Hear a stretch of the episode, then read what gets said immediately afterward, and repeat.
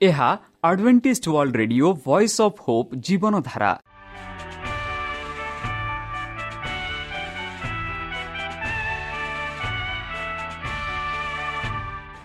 Odia radio କାର୍ଯ୍ୟକ୍ରମ ଯାହା ଆମର ଆନ୍ତର୍ଜାତୀୟ ଆଘାତ କେନ୍ଦ୍ରରୁ ପ୍ରସାରଣ କରାଯାଉଛି ପ୍ରତିଦିନ ରାତି ନଅଟା ତିରିଶ ମିନିଟ୍ରେ। ମୁଁ ସୁବ୍ରତ କୁମାର ପତି ପ୍ରେମର ସହ ଆପଣମାନଙ୍କୁ ଏହି କାର୍ଯ୍ୟକ୍ରମକୁ ସ୍ୱାଗତ କରୁଅଛି। ଚାଲନ୍ତୁ ଆଜିର ତିରିଶ ମିନିଟ୍ର କାର୍ଯ୍ୟକ୍ରମ ବିଷୟରେ ଜାଣିନେବା। ପ୍ରଥମେ ରଖିଛୁ ଆଧ୍ୟାତ୍ମିକ ଭକ୍ତିମୟ ଗୀତ। ଏହାପରେ ଶୁଣିବା ସ୍ୱାସ୍ଥ୍ୟ ବିଷୟରେ ଭକ୍ତଙ୍କଠାରୁ ଜୀବନଦାୟକ ଈଶ୍ୱରଙ୍କ ବାକ୍ୟ।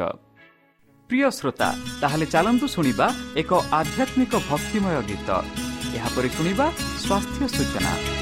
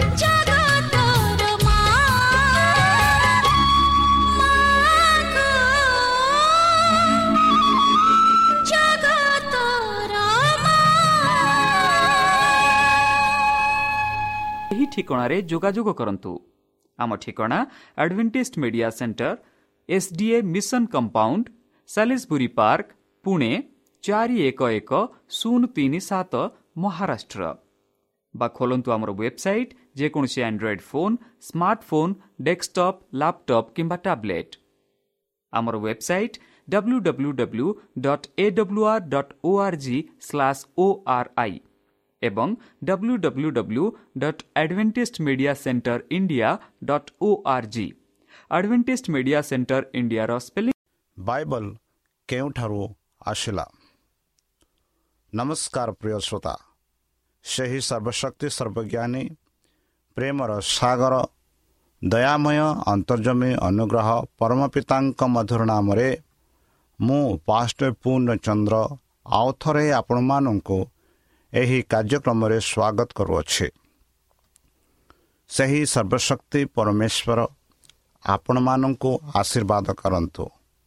ଆପଣଙ୍କୁ ସମସ୍ତ ପ୍ରକାର ଦୁଃଖ କଷ୍ଟ ବାଧା କ୍ଲେଶ ଓ ରୋଗରୁ ଦୂରେଇ ରଖନ୍ତୁ। ଶତ୍ରୁ ସୟତାନ ହସ୍ତରୁ ସେ ଆପଣଙ୍କୁ ସୁରକ୍ଷାରେ ରଖନ୍ତୁ।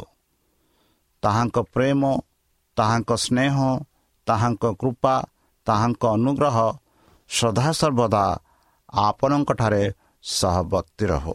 ପ୍ରିୟସତା ଚାଲନ୍ତୁ ଆଜି ଆମ୍ଭେମାନେ କିଛି ସମୟ ପବିତ୍ର ଶାସ୍ତ୍ର ବାଇବଲଠୁ ତାହାଙ୍କ ଜୀବନଦାୟକ ବାକ୍ୟ ଧ୍ୟାନ କରିବା। ଆଜି ଆମେ ବିଶେଷ ଭାବରେ ଆଲୋଚନା କରିବା ବାଇବଲ କେଉଁଠାରୁ ଆସିଲା। ହଁ ବନ୍ଧୁ ଆମେ ଏହି ପୃଥିବୀରେ ଦେଖୁଅଛୁ ସହସ୍ର କୋଟି ପୁସ୍ତକ। ଆଉ ସହସ୍ର କୋଟି ପୁସ୍ତକ ଯାହା ଧାର୍ମିକ ବିଷୟରେ ବିବରଣ ବିବରଣ ଦେଇଥାଏ ଧାର୍ମିକ ବିଷୟରେ କହିଥାଏ। ସହସ୍ର କୋଟି ପୁସ୍ତକ ଅଛି ଯାହାକି ଇତିହାସ ବୈଜ୍ଞାନିକମାନଙ୍କ ପାଇଁ ବିଜ୍ଞାନ ଏହିପରି ସାଧାରଣ ବିଜ୍ଞାନ ଗଣିତ ଏହିପରି ଅନେକ ପୁସ୍ତକ ଅଛି। ତାହେଲେ ବାଇବଲ କେଉଁଠାରୁ ଆସିଲା? ବାଇବଲ କିଏ ଲେଖିଲେ? ବାଇବଲ କାହା ଦ୍ୱାରା ଦିଆଯାଇଥିଲା? ଆଉ କାହିଁକି ବାଇବଲ ଏତେ ଗୁରୁତ୍ୱପୂର୍ଣ୍ଣ? ତାହା ବିଷୟରେ ଆମେ ଆଜି ଆଲୋଚନା କରିବା। ବନ୍ଧୁ ବାଇବଲ ହେଉଛି ସବୁଠୁ ପୁରୁଣା ପୁସ୍ତକ ଯାହା ଆମେ ପାଉଛୁ ଆଉ ବାଇବଲ ସମସ୍ତ ପୁସ୍ତକ ଛପା ହେବା ପୂର୍ବେ ବାଇବଲ ସମସ୍ତ ଆଗରୁ ଛପା ହୋଇଅଛି। ଆଉ ବାଇବଲ ପ୍ରାୟ ସମସ୍ତ ଭାରତୀୟ ଭାଷା ସମସ୍ତ ଅନ୍ତର୍ଜାତୀୟ ଭାଷାରେ ଅନୁବାଦ କରାଯାଇଅଛି। ଆଉ ବାଇବଲ ଚାରିପଟେ ଆମେ ପାଇପାରିବା।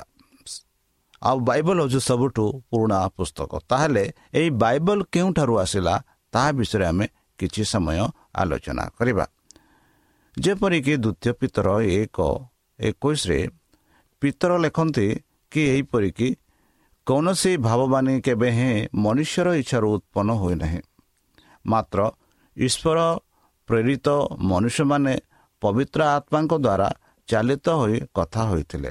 ବନ୍ଧୁ ସ୍ପଷ୍ଟ ଭାବରେ ପିତର ଏଠି କହନ୍ତି କି କୌଣସି ଭାବବାନୀ ମନୁଷ୍ୟ ଇଚ୍ଛାରେ ହୋଇନାହିଁ ଯାହା କି ଆମେ ଦେଖୁ ଅନେକ ପୁସ୍ତକ ଯାହା ମନୁଷ୍ୟ ଦ୍ୱାରା ମନୁଷ୍ୟ ଦ୍ୱାରା ଆଲୋଚନା ହୋଇ ଆଲୋଚନା କରି ଲେଖିଥାନ୍ତି ଆଉ ବାଇବଲ ମନୁଷ୍ୟ ଦ୍ୱାରା ଆଲୋଚନା କରି ଲେଖା ହୋଇନାହିଁ। ଏହି ବାକ୍ୟ ଦ୍ୱାରା ଆମେ ଜାଣିପାରୁଛୁ ଯେ କି କୌଣସି ଭାବବାନୀ ବା କୌଣସି ଧାର୍ମିକ କଥା ମନୁଷ୍ୟର ଇଚ୍ଛା ଦ୍ୱାରା ଉତ୍ପନ୍ନ ହୋଇନାହିଁ ବା ଲେଖା ହୋଇନାହିଁ। ବରଂ ଈଶ୍ୱର ପ୍ରେରିତ ମାନେ ଈଶ୍ୱର ଯାହାକୁ ବାଛିଥିଲେ ଈଶ୍ୱର ଯାହାକୁ କହିଲେ ଈଶ୍ୱର ଯାହାକୁ ଲେଖିବାକୁ କହିଲେ ଆଉ ଈଶ୍ୱର ଯାହାକୁ କହିଲେ ଯାହା କହିଲେ ତାହା ସେମାନେ ପବିତ୍ର ଆତ୍ମାଙ୍କ ଦ୍ୱାରା ଚାଲିତ ହୋଇ ତାହା ଲେଖିଲେ। ମାନେ ସେମାନେ ନିଜ ଚିନ୍ତାଧାରାରେ ଲେଖିନାହାନ୍ତି କି ନିଜ କାହାଣୀ ମନରେ ରଖି ବା ନିଜ କାହାଣୀ ଭାବରେ ସେମାନେ ଲେଖିନାହାନ୍ତି ମାତ୍ର ସେମାନେ ପ୍ରେରିତ ଯେଉଁମାନଙ୍କୁ ଈଶ୍ୱର ପ୍ରେରିତ କରୁଥିଲେ ଆଉ ଯେଉଁମାନେ ପବିତ୍ର ଆତ୍ମା ଦ୍ୱାରା ଚାଲିତ ହୋଇଥିଲେ ସେଇମାନେ ସେଇ ପବିତ୍ର ଶାସ୍ତ୍ର ଲେଖିଲେ ବୋଲି ଆମେ ଦେଖୁଅଛୁ।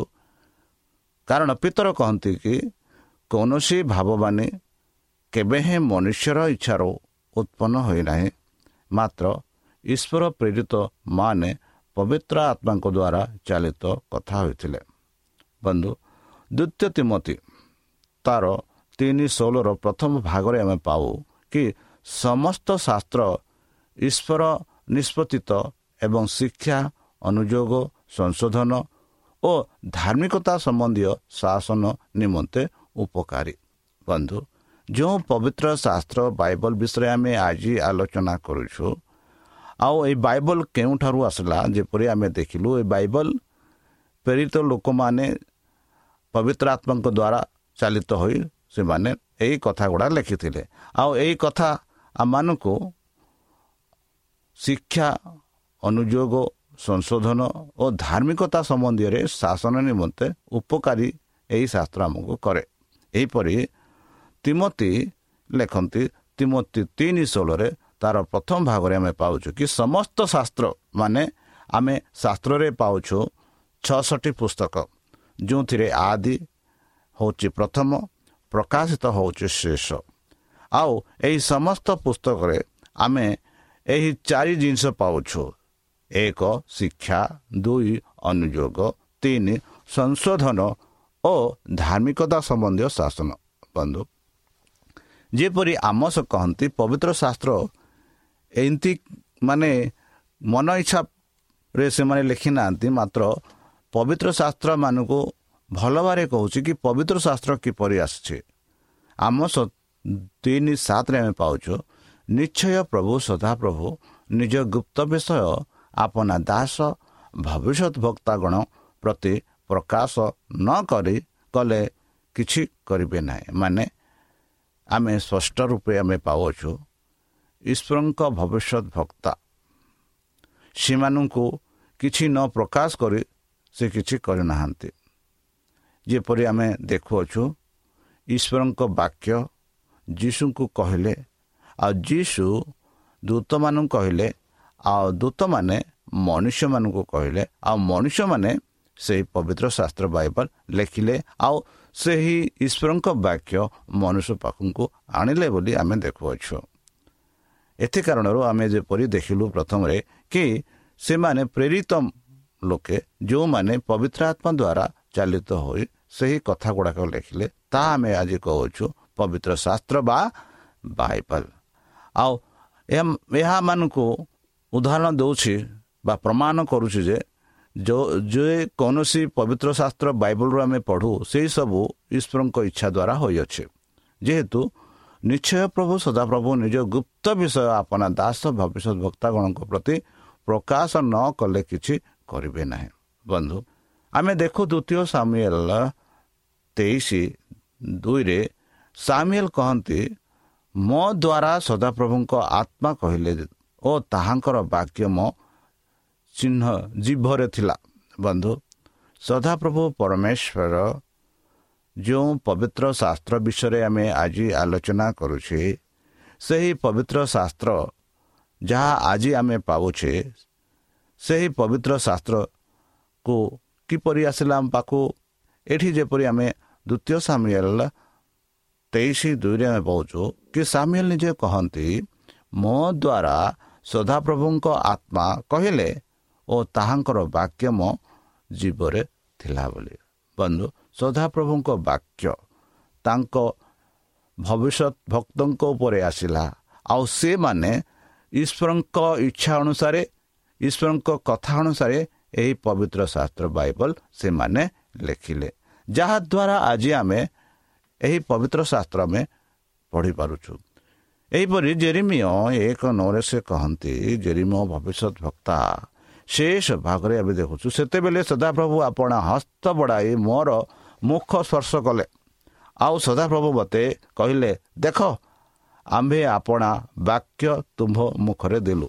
ବନ୍ଧୁ କେଡ଼େ ସ୍ପଷ୍ଟ ରୂପରେ ଆମେ ପାଉଛୁ କି କିପରି ସଦାପ୍ରଭୁ ଆପଣା ପବିତ୍ର ବାକ୍ୟ ଆପଣା ଭବିଷ୍ୟତ ଭକ୍ତାମାନଙ୍କୁ ଦେଲେ। ଆଉ ଏଠି ଆମେ ଏହିପରି ସୁନ୍ଦର ପ୍ରମାଣ ପାଉଛୁ କିପରି ସେହି ପବିତ୍ର ଶାସ୍ତ୍ର ବାଇବଲ ନମ୍ବରକୁ ଆସିଲା। ଏଠି ଜେରିମିୟ ଭବିଷ୍ୟତ ଭକ୍ତା ନିଜେ ସ୍ୱୀକାର କରି ସେ କହନ୍ତି କି ସଦାପ୍ରଭୁ ଆପଣା ହସ୍ତ ବଢ଼ାଇ ମୋ ମୂର୍ଖ ସ୍ୱସ୍ଥ କଲେ ମୁଖ ସ୍ୱସ୍ଥ କଲେ ମାନେ ମୋ ପାଟିରେ ତାଙ୍କେ ଛୁଇଁଲେ। ଆଉ ସଦାପ୍ରଭୁ ମୋତେ କହିଲେ କ'ଣ କହିଲେ?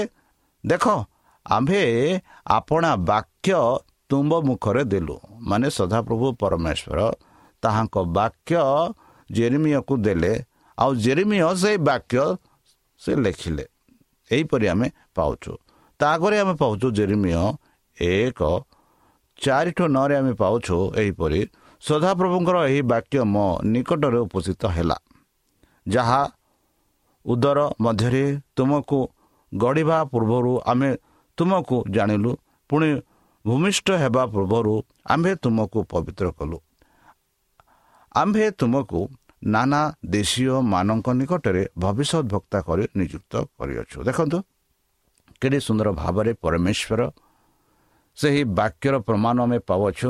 ଆଉ ପରମେଶ୍ୱର ସେ କହନ୍ତି କି ଦେଖ ତୁମମାନଙ୍କୁ ତୁମକୁ ମୁଁ ବାଛି ଅଛି କି ତୁମେ ଗର୍ଭରେ ଥିଲାବେଳେ ହିଁ ମୁଁ ବାଛି ଅଛି ତୁମେ ଗର୍ଭରୁ ନ ଆସିବା ପୂର୍ବରୁ ମୁଁ ବାଛି ଅଛି ବୋଲି ସେ କହନ୍ତି। ଏଥିରେ ମୁଁ କହିଲି ହାୟ ହାୟ ହେ ପ୍ରଭୁ ସଦା ପ୍ରଭୁ ଦେଖ ମୁଁ କଥା କହି ଜାଣେ ନାହିଁ। କାରଣ ମୁଁ ତ ବାଲକ ମାତ୍ର ସଦାପ୍ରଭୁ ମୋତେ କହିଲେ ମୁଁ ବାଲକ ବୋଲି କୁହ ନାହିଁ। କାରଣ ଆମ୍ଭେ ତୁମକୁ ଯାହା ନିକଟକୁ ପଠାଇବା ତୁମେ ତାହା ନିକଟକୁ ଯିବ ଓ ଆମ୍ଭେ ତୁମକୁ ଯାହା ଆଜ୍ଞା କରିବା ତାହା ତୁମ୍ଭେ କହିବ ବନ୍ଧୁ। ସେମାନଙ୍କ ସକାଶୁ ଭୀତ ହୁଅ ନାହିଁ। କାରଣ ସଦାପ୍ରଭୁ କହନ୍ତି ତୁମକୁ ଉଦ୍ଧାର କରିବା ପାଇଁ ଆମ୍ଭେ ତୁମ୍ଭ ସଙ୍ଗେ ସଙ୍ଗେ ଅଛ। ସେତେବେଳେ ସଦାପ୍ରଭୁ ଆପଣା ହସ୍ତ ବଢ଼ାଇ ମୋତେ ମୋର ମୁଖ ସ୍ପର୍ଶ କଲେ ଆଉ ସଦାପ୍ରଭୁ ମୋତେ କହିଲେ ଦେଖ ଆମ୍ଭେ ଆପଣା ବାକ୍ୟ ତୁମ ମୁଖରେ ଦେଲୁ ବନ୍ଧୁ। କେଡ଼େ ସୁନ୍ଦର ଭାବରେ ଜେରିମିୟ ନିଜକୁ ସ୍ୱୀକାର କରି କହନ୍ତି କିପରି ସଦାପ୍ରଭୁ ପରମେଶ୍ୱର ତାହାଙ୍କୁ ଆଦେଶ ଦେଲେ ଆଉ କିପରି ତାହାଙ୍କ ବାକ୍ୟ ତାଙ୍କ ଉତ୍ତର ଦେଲେ ଆଉ କହିଲେ ଆଉ ଏହି ବାକ୍ୟ ନେଇ ସେହି ଇସ୍ରାଏଲ ପ୍ରଜାମାନଙ୍କୁ କୁହ। ବର୍ତ୍ତମାନ ଯେଉଁ ପବିତ୍ର ଶାସ୍ତ୍ର ବାଇବଲ ଆମେ କହୁ ସେହି ବାକ୍ୟ ଗୁଡ଼ାକ ସେହି ପରମେଶ୍ୱର ପ୍ରେରିତ କଲେ ଆଉ ପବିତ୍ର ଆତ୍ମା ଦ୍ୱାରା ସେମାନେ ସେହି ବାକ୍ୟ ଗୁଡ଼ାକ ଲେଖିଲେ। ବନ୍ଧୁ ଜି କଲ ଦୁଇ ସାତରେ ଆମେ ପାଉଛୁ ସେମାନେ ଅତ୍ୟ ବିଦ୍ରୋହୀ। ଏହେତୁ ସେମାନେ ଶୁଣନ୍ତୁ ଅବା ନ ଶୁଣନ୍ତୁ ତୁମ୍ଭେ ସେମାନଙ୍କ ଆମର ବାକ୍ୟ ସବୁ କୁହ। ବନ୍ଧୁ ସଦାପ୍ରଭୁ ଏହି ପବିତ୍ର ଶାସ୍ତ୍ର ବାଇବଲ ଆମମାନଙ୍କୁ ଦେଇଛନ୍ତି। ଆଉ ଏହି ପବିତ୍ର ଶାସ୍ତ୍ରରେ ସବୁକିଛି ଆମେ ଦେଖିଲୁ ଯାହା ଆମେ ଏହା ପୂର୍ବେ ଦେଖୁ ଦେଖିଲୁ କି ଏହି ପବିତ୍ର ଶାସ୍ତ୍ର ଅନୁଯୋଗ ସଂଶୋଧନ ଓ ଧାର୍ମିକତା ସମ୍ବନ୍ଧୀୟ ଶାସନ ନିମନ୍ତେ ଉପକାରୀ ବୋଲି। ଆଉ ଏଠି ଆମେ ପାଉଛୁ ସେଇ ସଦାପ୍ରଭୁ ସେହି ଇସ୍ରାଏଲମାନଙ୍କୁ କହନ୍ତି ସେମାନେ ବିଦ୍ରୋହୀ ହେତୁ ସେମାନେ ଶୁଣନ୍ତୁ ଅବା ନ ଶୁଣନ୍ତୁ। ତୁମ୍ଭେ ସେମାନଙ୍କୁ ଆମର ବାକ୍ୟ ସବୁ କୁହ ବୋଲି ସଦାପ୍ରଭୁ ଆଦେଶ ଦିଅନ୍ତି। ବନ୍ଧୁ ଆମେ ଦେଖୁ ଲୁକ ଏକ ସତୁରିରେ ପୁରାକାଳୁ ଆପଣା ପବିତ୍ର ଭାବବାଦୀମାନଙ୍କ ମୁଖ ଦ୍ୱାରା ଯେପରି କହିଥିଲେ ବନ୍ଧୁ ପବିତ୍ର ଶାସ୍ତ୍ର ବାଇବଲ ଯାହାମାନଙ୍କ ପାଖକୁ ଆସିଅଛି ଏହା ପୁରା କାଳରୁ ସେହି ପବିତ୍ର ଭାବି ଭାବବାଦୀମାନଙ୍କ ମୁଖ ଦ୍ୱାରା ଏହା ଲେଖାଯାଇଛି। ଏଥି କାରଣ ଆମେ ଏହା କହୁଛୁ ପବିତ୍ର ଶାସ୍ତ୍ର ଧର୍ମଗ୍ରନ୍ଥ ବାଇବଲ। ଯେହେତୁ ଏହି ବାଇବଲ ଆମମାନଙ୍କୁ ଆସିଅଛି ପ୍ରଭୁଙ୍କ ଇଚ୍ଛା ଅନୁସାରେ ପ୍ରଭୁ ଆପଣା ପ୍ରେରିତ ଲୋକମାନଙ୍କୁ ତାହାଙ୍କ ପବିତ୍ର ଆତ୍ମା ଦ୍ୱାରା ସେମାନେ ସେହି ପବିତ୍ର ଶାସ୍ତ୍ର ବାଇବଲ ଲେଖିଲେ। ଆଉ ସେହି ପବିତ୍ର ଶାସ୍ତ୍ର ବାଇବଲ ବର୍ତ୍ତମାନ ଆମ୍ଭ ପାଖରେ ଆସିଅଛି। ପ୍ରକାଶିତ ଏକ ଏକର ଦୁଇରେ ଆମେ ପାଉଅଛୁ ଯୀଶୁଖ୍ରୀଷ୍ଟଙ୍କ ପ୍ରକାଶିତ ବାକ୍ୟ। ଅବିଳମ୍ବରେ ଯାହା ଯାହା ଅବଶ୍ୟ ଘଟିବ ସେହିସବୁ ସେ ଯେପରି ଆପଣା ଦାସମାନଙ୍କୁ ଜଣାନ୍ତି ଏଥିପାଇଁ ଈଶ୍ୱର ଏହା ତାହାଙ୍କ ନିକଟରେ ସମର୍ପଣ କଲେ।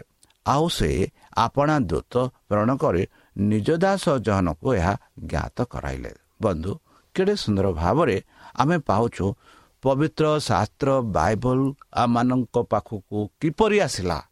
ଆଉ ଏହି ପବିତ୍ର ଶାସ୍ତ୍ର ବାଇବଲ କିଏ ଲେଖିଲେ? ଆଉ କାହା ଦ୍ୱାରା ଲେଖାଗଲା?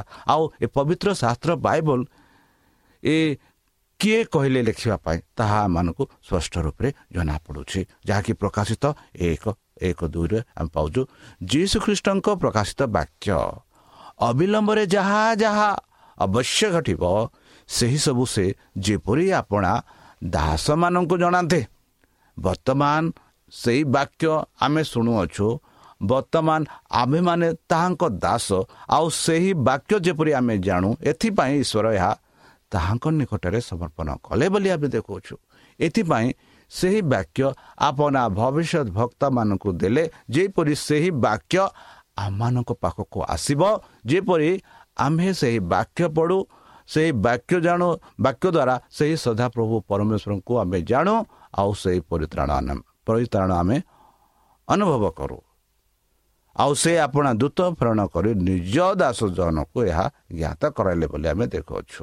ବନ୍ଧୁ ସେହି ଦୁଇ ପଦରେ ଆମେ ଦେଖୁ ସେହି ଜନ ଈଶ୍ୱରଙ୍କ ବାକ୍ୟ ଓ ଯୀଶୁ ଖ୍ରୀଷ୍ଟଙ୍କ ସାକ୍ଷ୍ୟ ସମ୍ବନ୍ଧରେ ଅର୍ଥାତ୍ ଯାହା ସେ ଯାହା ସବୁ ଦର୍ଶନ କଲା ସେହି ବିଷୟରେ ସାକ୍ଷ୍ୟ ଦେଇଛନ୍ତି ମାନେ ବର୍ତ୍ତମାନ ଯାହା ଆମେ ପବିତ୍ର ଶାସ୍ତ୍ର ବାଇବଲ କହୁଛୁ ସେହି ପବିତ୍ର ଶାସ୍ତ୍ର ବାଇବଲରେ ଏହି ଭବିଷ୍ୟତ ଭକ୍ତାମାନେ ଦର୍ଶନ ପାଇଲେ ସଦାପ୍ରଭୁ ସେମାନଙ୍କୁ କହିଲେ ଆଉ ସେମାନେ ଏହି ବାକ୍ୟ ସବୁ ଲେଖିଲେ ଆଉ ସେହି ବାକ୍ୟ ବର୍ତ୍ତମାନ ଆମମାନଙ୍କ ପାଖକୁ ଆସୁଅଛି।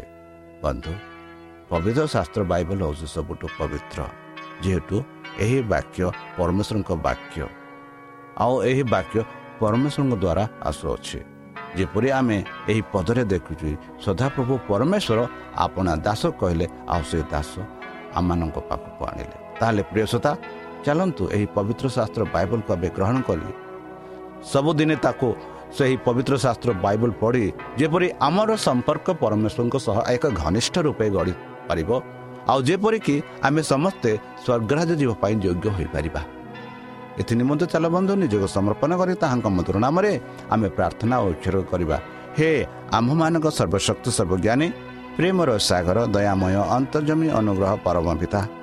ଧନ୍ୟବାଦ ଅର୍ପଣ କରୁଛୁ ପ୍ରଭୁ ବର୍ତ୍ତମାନ ଯେଉଁ ବାକ୍ୟ ତୁମ ଭକ୍ତମାନଙ୍କୁ ଶୁଣାଇଲେ ସେହି ବାକ୍ୟ ଅନୁସାରେ ଆମମାନଙ୍କୁ ଚାଲିବା ପାଇଁ ବୁଦ୍ଧିରେ ଜ୍ଞାନରେ ଶକ୍ତିରେ ପରିପୂର୍ଣ୍ଣ କର। ଆମ ପାପ ସବୁ ତୁମ ସେହି ବହୁମୂଲ୍ୟ ରକ୍ତରେ ପରିଷ୍କାର ରୂପେ ଧୋଇ ଦିଅ। ଆଉ ପରିଶେଷ ଯେବେ ତୁମ୍ଭେ ତୁମ ସେହି ସହସ୍ର ଦୂତଙ୍କ ସହ ଆସିବେ ସେତେବେଳେ ଆମମାନଙ୍କୁ ଏକ ବାସ ସ୍ଥାନ ଦିଅ ବୋଲି ତ୍ରାଣକର୍ତ୍ତା ପ୍ରଭୁ ଯୀଶୁଙ୍କ ମଧୁରମୟ ନାମରେ ଏହି ଛୋଟ ବିକ୍ଷମା ଅଛୁ ଶୁଣି ଗ୍ରହଣ କର। ଆମେନ୍।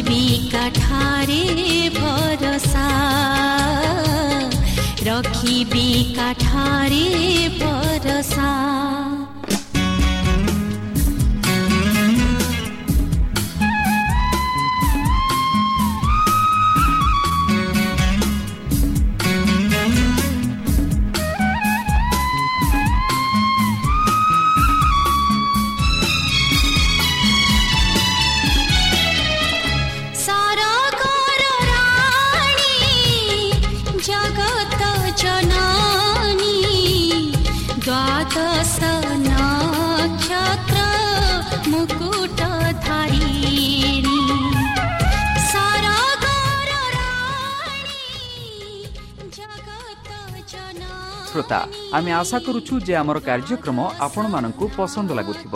ଆପଣଙ୍କର ମତାମତ ଜଣାଇବା ପାଇଁ ଆମର ଏହି ଠିକଣାରେ ଯୋଗାଯୋଗ କରନ୍ତୁ। ଆମ ଠିକଣା Adventist Media Centre S D A mission compound Salisbury Park Pune ଚାରି ଏକ ଏକ ଶୂନ ତିନି ସାତ ମହାରାଷ୍ଟ୍ର ବା ଖୋଲନ୍ତୁ ଆମର ୱେବସାଇଟ୍ ଯେକୌଣସି android phone smartphone desktop laptop କିମ୍ବା ଟ୍ୟାବ୍ଲେଟ୍ ଆମର website W W W dot A W R dot O R G slash O R I ଏବଂ W W W dot Adventist Media Centre India dot O R G Adventist Media Centre ଇଣ୍ଡିଆର spelling ହେଉଛି A D V E N T I S T M E D I A C E N T R E I N D I A ଅଥବା download କରନ୍ତୁ ଆମର mobile app ଆପଣଙ୍କର mobile play ଷ୍ଟୋରକୁ ଯାଆନ୍ତୁ ଆଉ type କରନ୍ତୁ the Voice of Hope ଆଉ download କରନ୍ତୁ। ଈଶ୍ୱର ଆପଣଙ୍କୁ ଆଶୀର୍ବାଦ କରନ୍ତୁ। ଧନ୍ୟବାଦ।